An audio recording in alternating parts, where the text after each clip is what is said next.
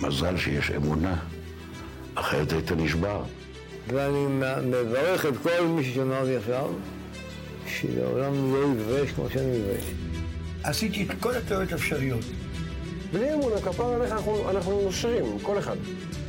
הם יודעים את האמת, אבל לא צריך לבוא עם פוסטרים מול כל הפרצוף ולהראות להם, הנה תראו, הבן שלכם חזר בתשובה. כשאני על הבמה אני מרגיש אה, כמו שאני בבית כנסת. אני קורא פרק תהילים, ואני מקדיש אותו לשונאים שלי ומי שרוצה לי רע, שיהיה לו רק טוב.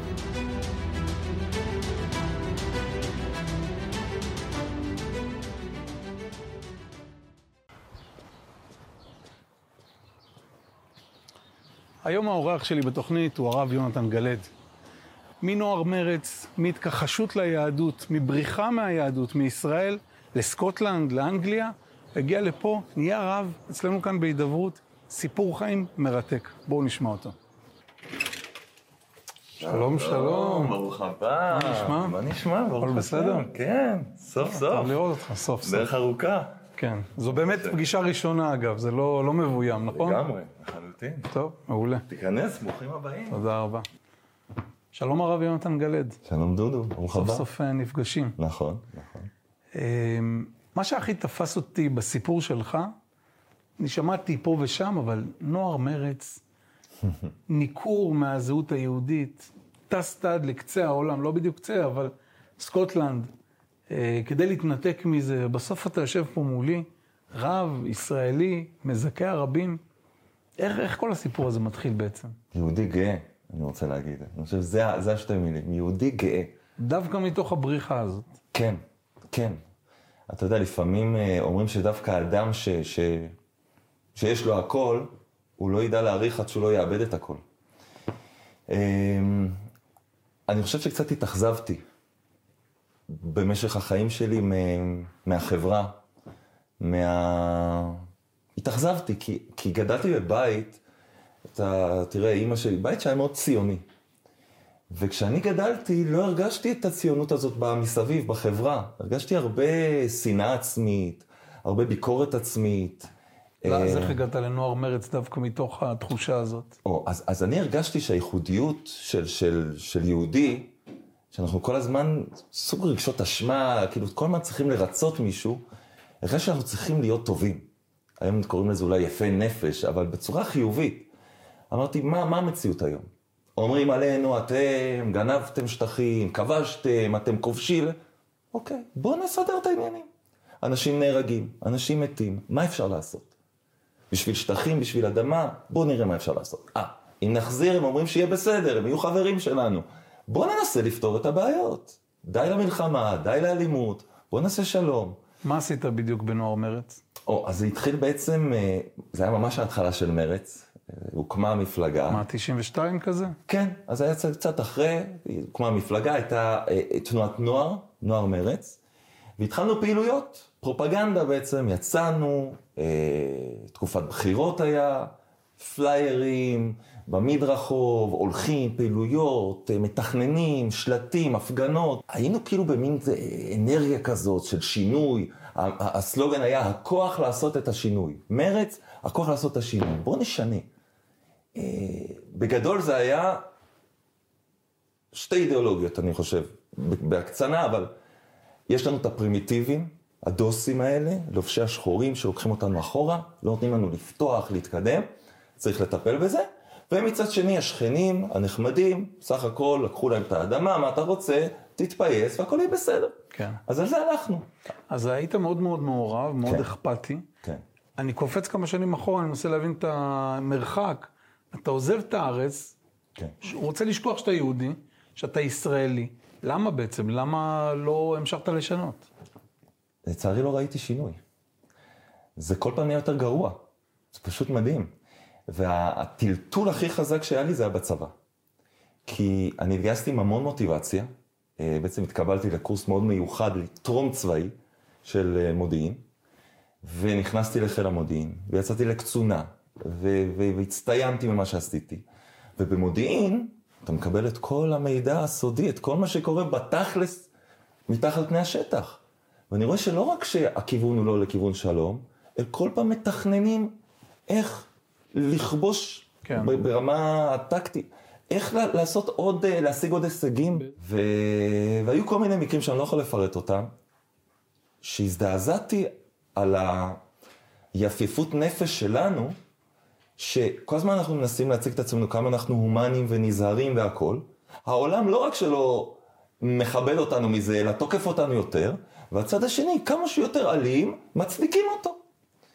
וזה היה לי הרבה טלטלה, זאת אומרת, כל התמונת עולם שהייתה לי, התערערה. כאילו, גיליתי שחייתי בשקר. אני חושב שזה אחד המסמרים בעצם לחיפוש ולבדיקה שלי, מה עוד שקר בעולם. עברת לימין או שכאילו לא. פשוט נהיית לא מזוהה? עברתי לאפתיות. הימין מבחינתי בכלל לא היה, זה היה סתם, אה, בעיניי, קיצוניות, ברבריות כזו, בא, בא, בא, בא.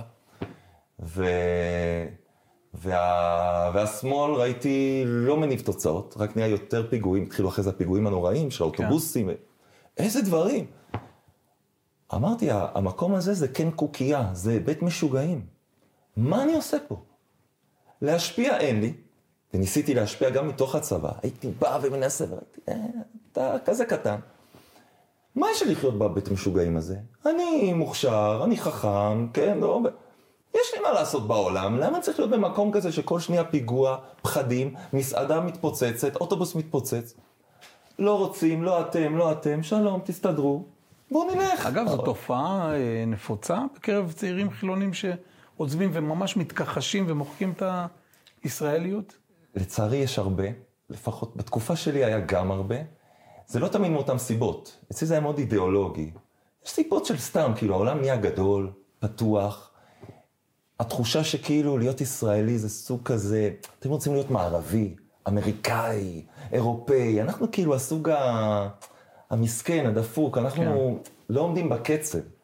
אז רוצים להיות כמוהם, אז בואו נהיה בעולם. יש הרבה חברים עברו לגור בארצות הברית. ולא היה חבל לך לעזוב, לא, ארה"ב, אתה יודע, עוד יש שם קהילות. לא, אבל הם לא הולכים לקהילות. סקוטלנד, כאילו, מי מי שמע בכלל?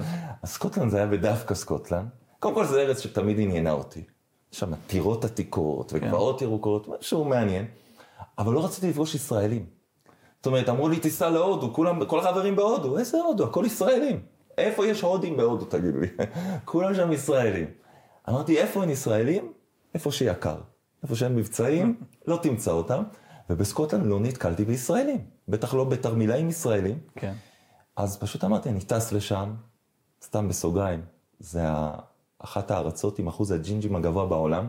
אז הרגשת בכלל הרגשתי בבית. בבית, כאילו, אחרי מה שאמרתי בתור ג'ינג'י, בתור ילד, אמרתי, בכלל, אני מתברג שם, וזהו. ו...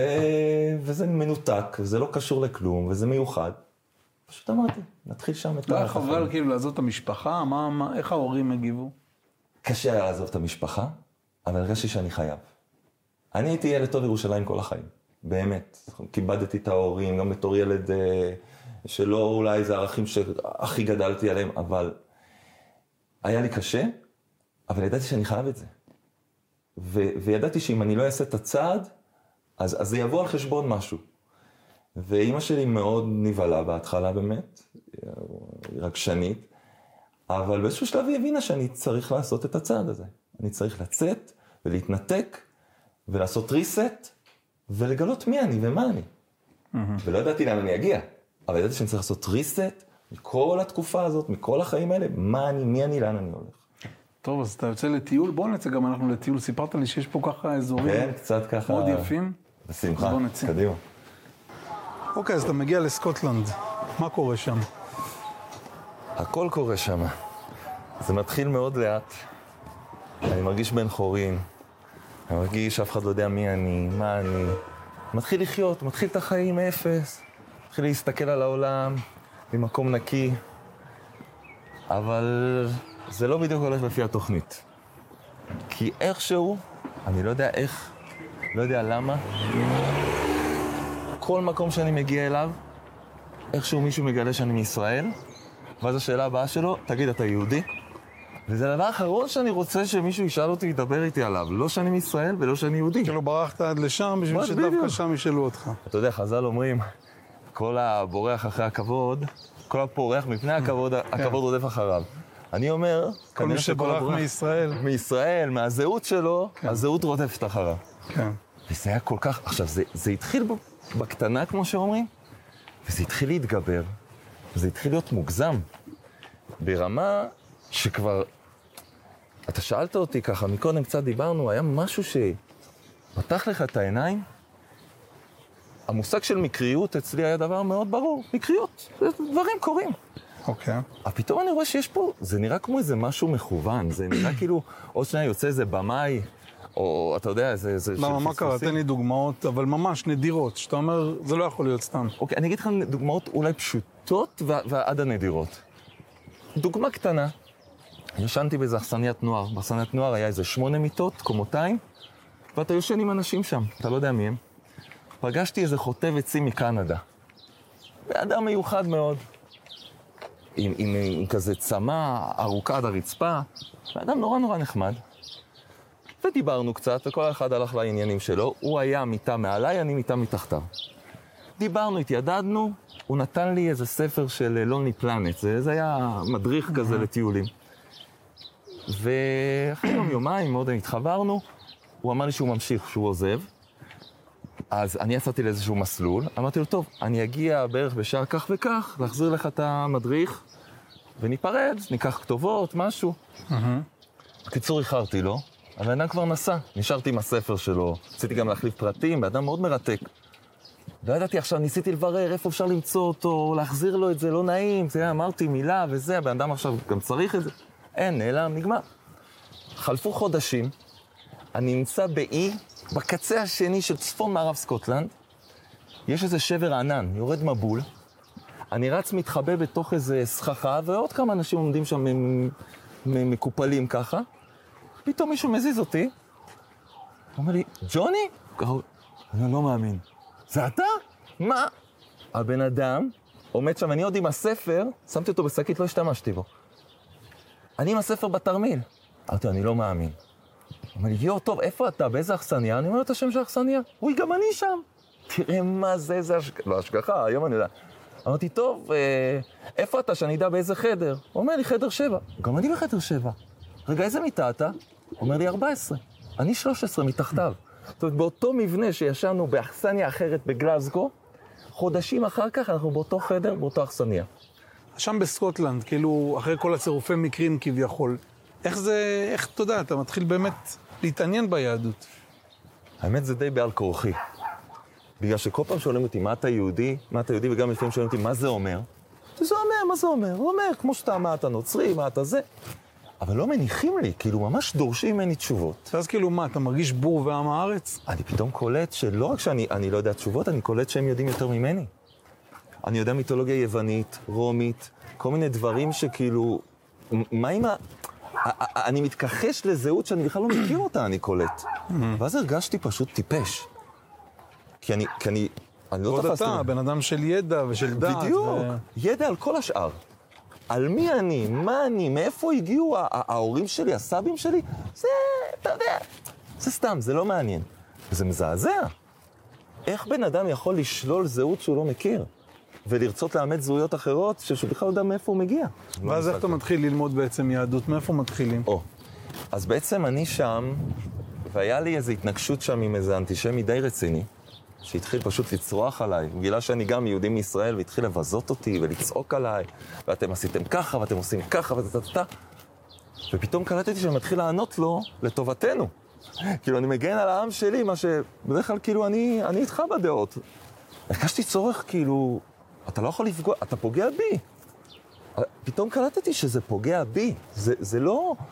זה לא שזה אה, אה, מדבר על איזה עם שבטעות אני שייך אליו, הרגשתי שהוא נוגע בי. התחלתי לענות לו, ויצאו כמה דברים טובים, והחלטתי שאני מתחיל ללמוד. אז איך מתחילים בעצם ללמוד על יהדות? מאיפה מתחילים? טוב, אני לא הייתי קורא לזה עדיין לקרוא על יהדות, זה היה יותר ככה היכרות. אה, ופשוט מה שעשיתי, שאת היום חופש שהיה לי, עבדתי באיזה רשת אכסניות, הייתי פשוט מבלה בספרייה העירונית, ששם היה להם מחלקת דתות. אז חיפשתי פשוט יהדות. התחלתי לחפש יהדות.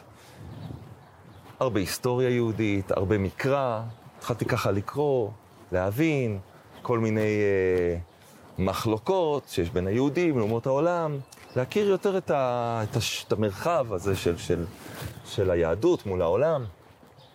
אבל זה היה יותר כזה ככה, מאוד מאוד בכלליות. תגיד, דתות וכאלה. הרבה אנשים שואלים אותי, רגע, אתה, בסדר, אז אתה נולדת דת, יהודי, אתה תצדיק את היהודי, אבל אתה, בתור אחד שבאמת למד את הדתות האלה, מה אתה יכול להגיד? זאת אומרת, איך אפשר להפריך אותם? איך אפשר, איך אתה הבנת שזה לא זה, חוץ מהעובדה הידועה שפה זה היה מעמד הר סיני, ושם זה בן אדם אחד טען להתגלות.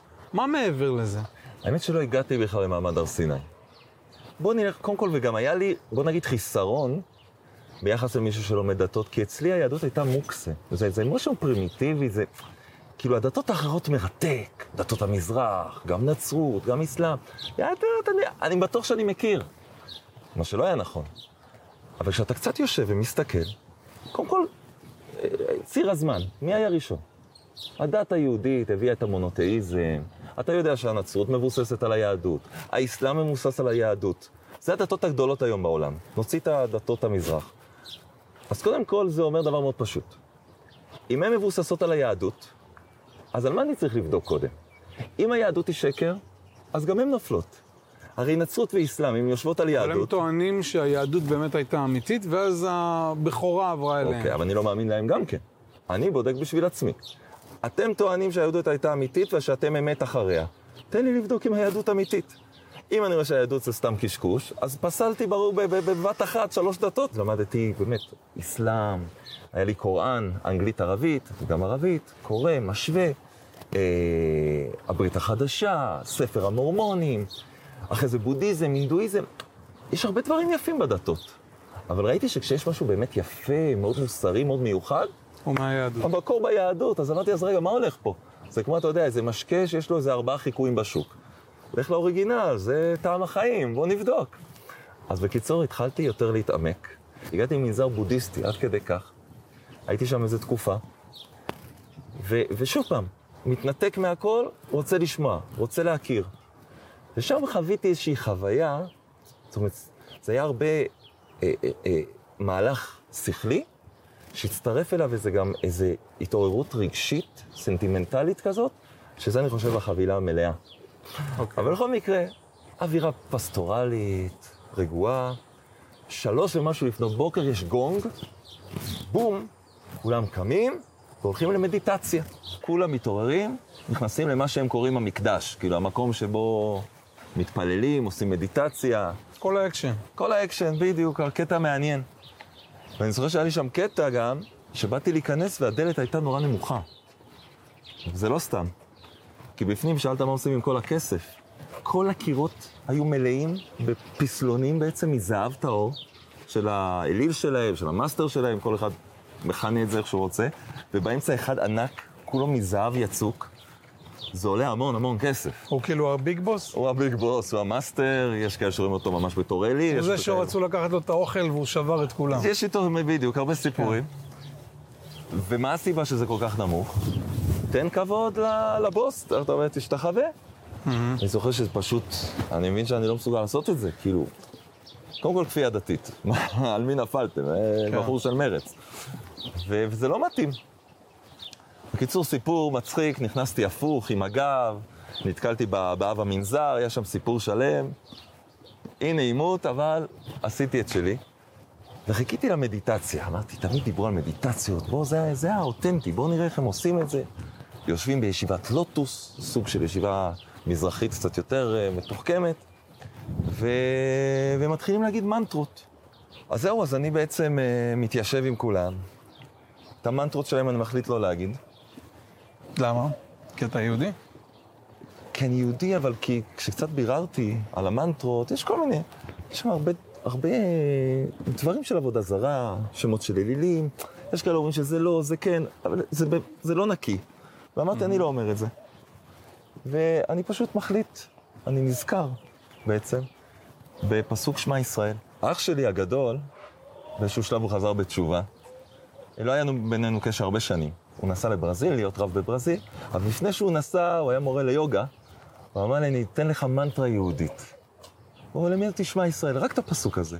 הוא אמר, זה טוב לפני השינה, זה טוב כשאתה מפחד. הייתי אולי בן שבע, שמונה.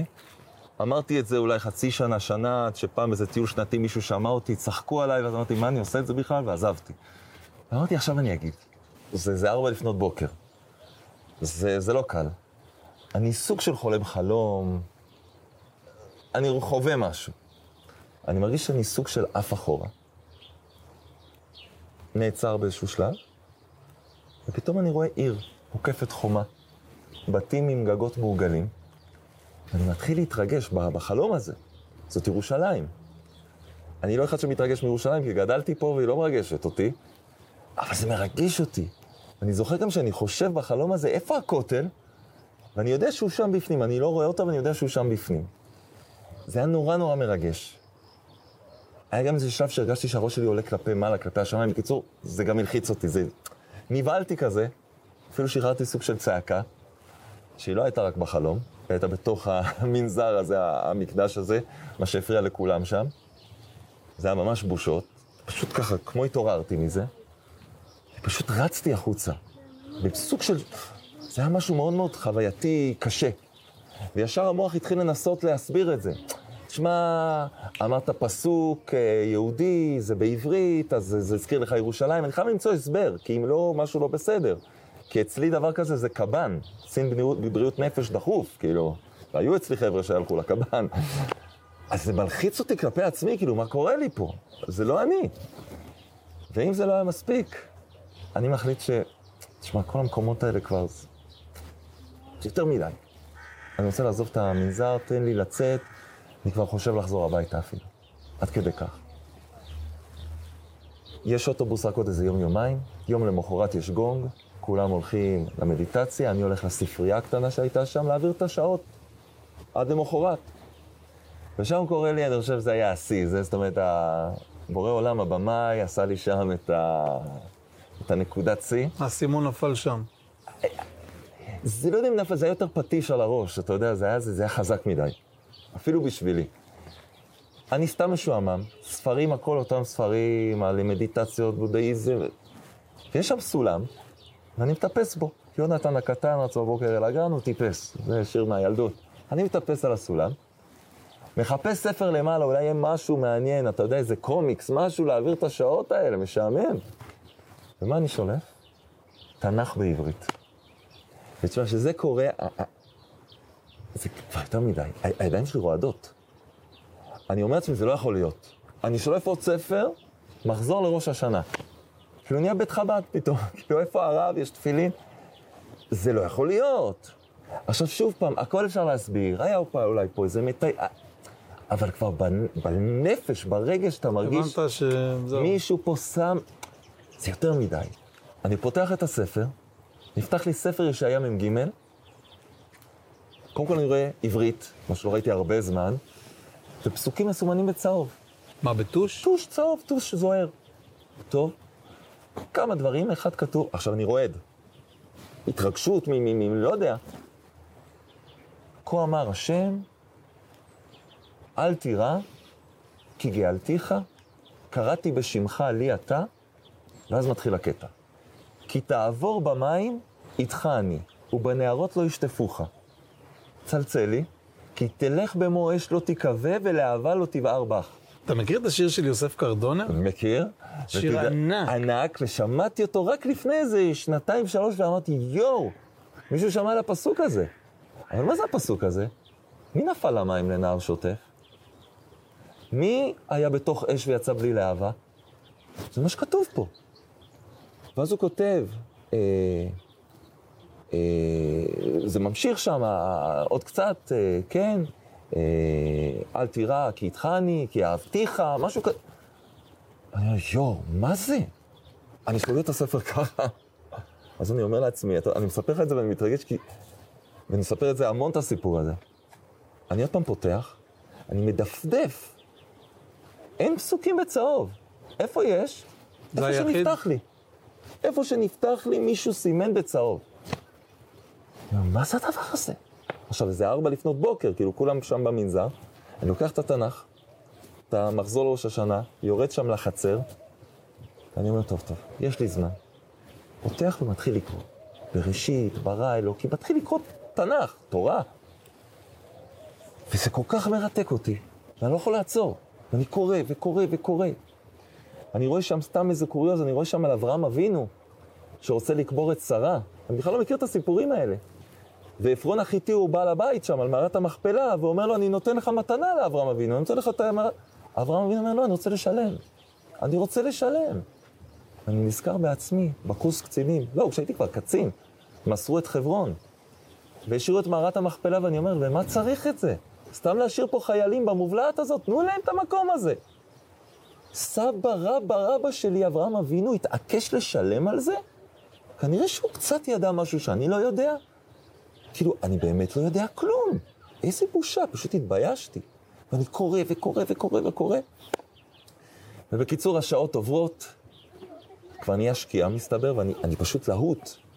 ופתאום מישהו עומד לידי. מי עומד לידי? ראש המנזר שהוא גם מסתבר יהודי. לא, זו, אז אבא מנזר, שהוא לא יהודי, אבל הוא עומד לידי מסתכל. זה אותו אחד שנכנסתי הפוך, הייתי נתקל בו, זה היה לא נעים. הוא אומר לי, תגיד לי, מה אתה קורא? אני כבר כמה שעות הולך, חוזר, ואתה בספר הזה. האמת, לא ידעתי איך להגיד את זה, אמרתי לו, זה, זה הספר, זה הספר שלי, זה הספר של העם שלי. עכשיו, הוא קולט שזה תנ"ך, יש איזו צורה. הוא אומר לי, הבנתי. אז אפשר לשאול אותך, מה אתה עושה פה? מה אתה בכלל עושה פה? בכלל עושה פה, ואני מרגיש פטיש על הראש.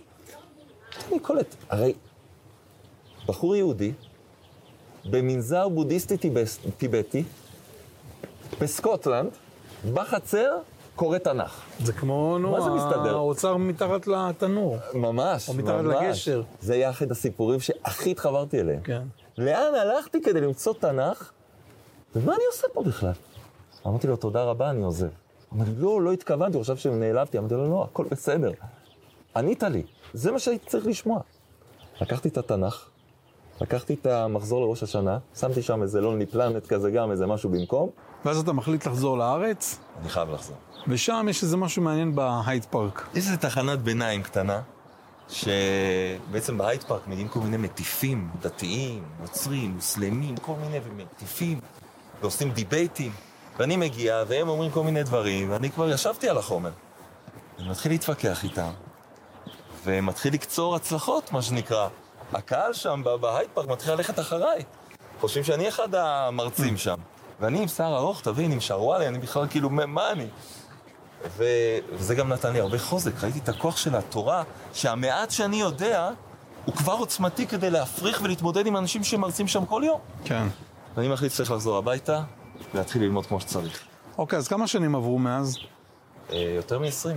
20 שנה. יותר מ-20, כן. יפה, ומתי אתה שם את המדים? או, מתי התיוג, כאילו? כן, בדיוק. אה, זה הפלומבה. לוקח זמן, זה היה לי מאוד קשה.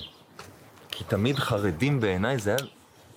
אני לא, לא נעים לי על המילה, אבל זה היה כאילו משהו מגעיל. אני ממש... אני מתנצל, אבל כאילו ככה גדלתי. אה, זה לקח זמן. כשאני הרגשתי שלם מבפנים, זה בא לי בטבעיות. שזה קרה לפני? 20 ו... אה, אז די כשחזרת לארץ. כן, חזרתי לארץ. דבר ראשון הרמתי טלפון למילואימניק שלי מהצבא, שהוא היה בטכניון, אדם גאון במדעים, אמרתי לו, תשמע, הוא חזר בתשובה כשהייתי בצבא, הוא היה משגע אותנו. ספר לנו על קודים בתנ"ך, ופה ושם, והיינו כזה, כן, כן, כן. הרמתי לו טלפון, אמרתי לו, אבנר? הוא אומר לי, כן, זה יוני. מה? עכשיו שזה הקפצה, כאילו, אני הייתי המפקד שלו בעלה. אמרתי לו, תשמע, אנחנו צריכים להיפגש. מה קרה? מה? בוא ניפגש. נפגשנו אצלו בבית, זה הסוכות, ואני פשוט יושב מולו, ומתחילים להתווכח. כאילו, אני אומר לו, אני רוצה לשמוע קצת על פה ושם, מה המדע אומר על זה, אתה- אתה- ומתחילים ויכוחים ו... ו debate אמיתי. ותשמע, הבן אדם יודע מה הוא מדבר. הוא גם אחד שמונח, הוא גם בעל תשובה, והוא אדם גאון בעיניי. אני, יש לו הרבה הכרת הטוב אליו, רבי אבנר. ובאיזשהו שלב אני נשבר, מהבחינה הזאת שאני קולט שהלך עליי. הלכו לי החיים. כאילו, אני חייב לחזור בתשובה, אין אני- דרך אני אמור להיות להתחמק דוס מזה. עכשיו, כאילו, זאת כן. האמת. ואתה רואה, הלחץ, אני, אני כבר לא יודע כאילו מה... ואני מנתק איתו את הקשר. לא עונה לו לטלפונים. עוד פעם, אני צריך את, את ההתבודדות הזאת, את השקט עם עצמי. לראות שלא שוטפים לי את המוח, שלא מבלבלים אותי, שזה באמת אני חושב. אני חושב אפילו חודש, חודשיים, מתנתק לגמרי הבן אדם, לא נעים. זה לא, זה לא דרך ארץ, אבל... הרגשתי, רגע, הוא, תן לי לנשום. הוא עשה לי נוקאוט. הוא יודע על מה הוא מדבר. הלכתי, ניסיתי למצוא פרחות, למצוא ש... הוא יודע על מה הוא מדבר. ואחרי זה כמעט חודשיים אני מרים לו טלפון, אבנר, יוני, מה קרה לך? איפה אתה? מה דאגתי? מה... מה?" אז שמע, אני רוצה עוד פעם להיפגש. טוב, נפגשים אצלו בבית, אומר לו, יש לך את הקוביות האלה? לי, מה? תפילין. תפילין. אומר לי, תפילין? אני אמרתי לו, אני רוצה לשים. עכשיו, פעם ראשונה ששמתי, ואחרונה זה היה בבר מצווה, על התמונות. הוא אומר לי, תשמע, נראה לי זה מהר מדי. הוא אומר לי, תשמע, נראה לי זה, אתה לא... כאילו... אני אומר לו, אני רוצה לשים את זה. טוב, בוא אני אביא לך. אתה בטוח כן. הוא מביא לי גם טלית, לא ידעתי שזה הולך עם טלית, טוב. ואמרתי לו, מה אומרים כשאומרים את זה? אומר לי, תקרא. ומה אומרים? את המשפט שאח שלך אמר לך שמע לפני... ישראל. ואני מתחיל לבכות, אני אומר לך. אני אומר את השמע ישראל הזה עם טלית ותפילין, ואני בוכה. והוא כזה קצת נלחץ, הוא אומר, מה קורה? אני לא יודע, משהו מבפנים התפרץ החוצה. ואני מרגיש אושר, אושר וגעגוע, ואני מחבק אותו. ו- ו- ו- ו- ואז הוא אומר לי, טוב, טוב, ותירגע. עכשיו תתחיל מאפס, לאט לאט. אמרתי לו, מה עם התפילה? חכה. הוא באמת עשה לי את זה מאוזן, ותקופה אני לומד איתו, יום-יום, עד שהוא אומר לי, תשמע, אני כבר לא מספיק לך, לך, ל... לך למקום שמלמדים. בישיבה. ישיבה. אני הולך בירושלים, ישיבת אור שמח, ישיבה של, אתה יודע, אינטלקטואלים, בעלי טייסים, תשובה. דין, בעלי תשובה. אז כאילו מבינים את השפה. ואם לא היה מספיק המכה בפאטי שכבר קיבלתי כל החותמות, אני בא להיכנס לישיבה, אני זוכר את זה, ויש שם מזוזה, בכניסה. ואני אומר לעצמי, הדתיים תמיד מנשקים. בא לי גם. אני נותן לה בוסה, מה שנקרא, נותן לה נשיקה, ומתחתיה יש מדבקה קטנה עם פסוק. סגולה לנוסע בדרכים, תחזיק. כי תעבור במים איתכני ובנרות לא ישטפוך. כי תלך במו אש לא תיקרא. הבנתי, תודה רבה. חזרתי ישבתי, הביתה. חזרתי הביתה, התחלתי ללמוד. התחלתי לשמוח. הבגדים כבר לא עניין אותי. זה החליפה, זה מצוין, אדרבה. באיזשהו. באיזה שלב החלטת גם לזכות את הרבים, לעמוד בפני קהל? זה קרה באופן טבעי האמת, כי הייתי כזה אש, שעכשיו כל החברים שלי חשבו שהשתגעתי. זה, זה, זה היה הדיבור. הבן אדם משתגע, לא יוצא איתנו יותר בשישי. בהתחלה הייתי אומר להם, מוצאי שבת אפשר לצאת, להיפגש. והם רצו לדעת, כי כאילו זה יוני, זה האחרון שאמור פה ל- לחזור בתשובה. כאילו, הכי רציונלי, הכי בטח, הכי לא שכלתן. במשפחה, משהו מסורתית, לא במוצא, לא בעדה, כאילו, לא... איך הבן אדם קרא לו, הוא לקח משהו, עד כדי כך. אמרתי להם, בואו נשב. פשוט הייתי מתחיל לדבר, ולדבר, ומספר, והם שומעים, והם מתלהבים, ומקשים חלק עליי. מהם חזרו בתשובה בסוף? אחד, למשל, תשמע, אחד היה גוי. החבר, אחד החברים הכי טובים שלי היה ערבי. או, אז, אז בוא נגיד שהוא הלך לדרכו, אבל כן, הוא קיבל כבוד לדת היהודית, וזה אני אומר היה שווה. משם לרב שלום ארוש. משם לרב הרוש, שבעצם אה, מורי ורבי, שנותן לו בריאות ואריכות ימים. בעזרת השם. שיום אחד הוא, הוא שומע שאני יודע ספרדית, אה, ומה זה הוא שומע? אני מספר לו שאני יודע ספרדית, ואני רוצה להביא ספר בגן האמונה לאימא שלי בספרדית, אבל אין בספרדית. אמרתי, אבל מה נעשה? לך תתרגם. אז זהו, אז האחראית אומרת לי, אולי תתרגם את הספר? אמרתי, תשמע, אני לא יודע, אני לא יודע ככה, עד כדי כך ספרדית. אני אשאל את הרב, היא אומרת. כי הרבה התחילו לתרגם את הספר, ועזבו באמצע, ועד היום כבר שנתיים לא תרגמו אותו. אמרתי, אני באמת לא יודע, אני יודע קצת לדבר, אבל בטח לא לתרגם. אני אשאל את הרב. חוזרת אליי אחרי יומיים, הוא אמר שתתחיל לתרגם. אני לא יודע. הוא אמר, תשמעי, אני מתפלל על זה, כך הוא אמר. הרבה אנשים התחילו לתרגם את הספרים שלי לספרדית, ונפלו באמצע. הבנתי שזה לא סתם. הם רצו את זה בתור עבודה, פרנסה. אני צריך שתלמיד אמיתי שלי יתרגם את הספרים. יגיע אחד כזה. אני חושב שזהו. שיתחיל.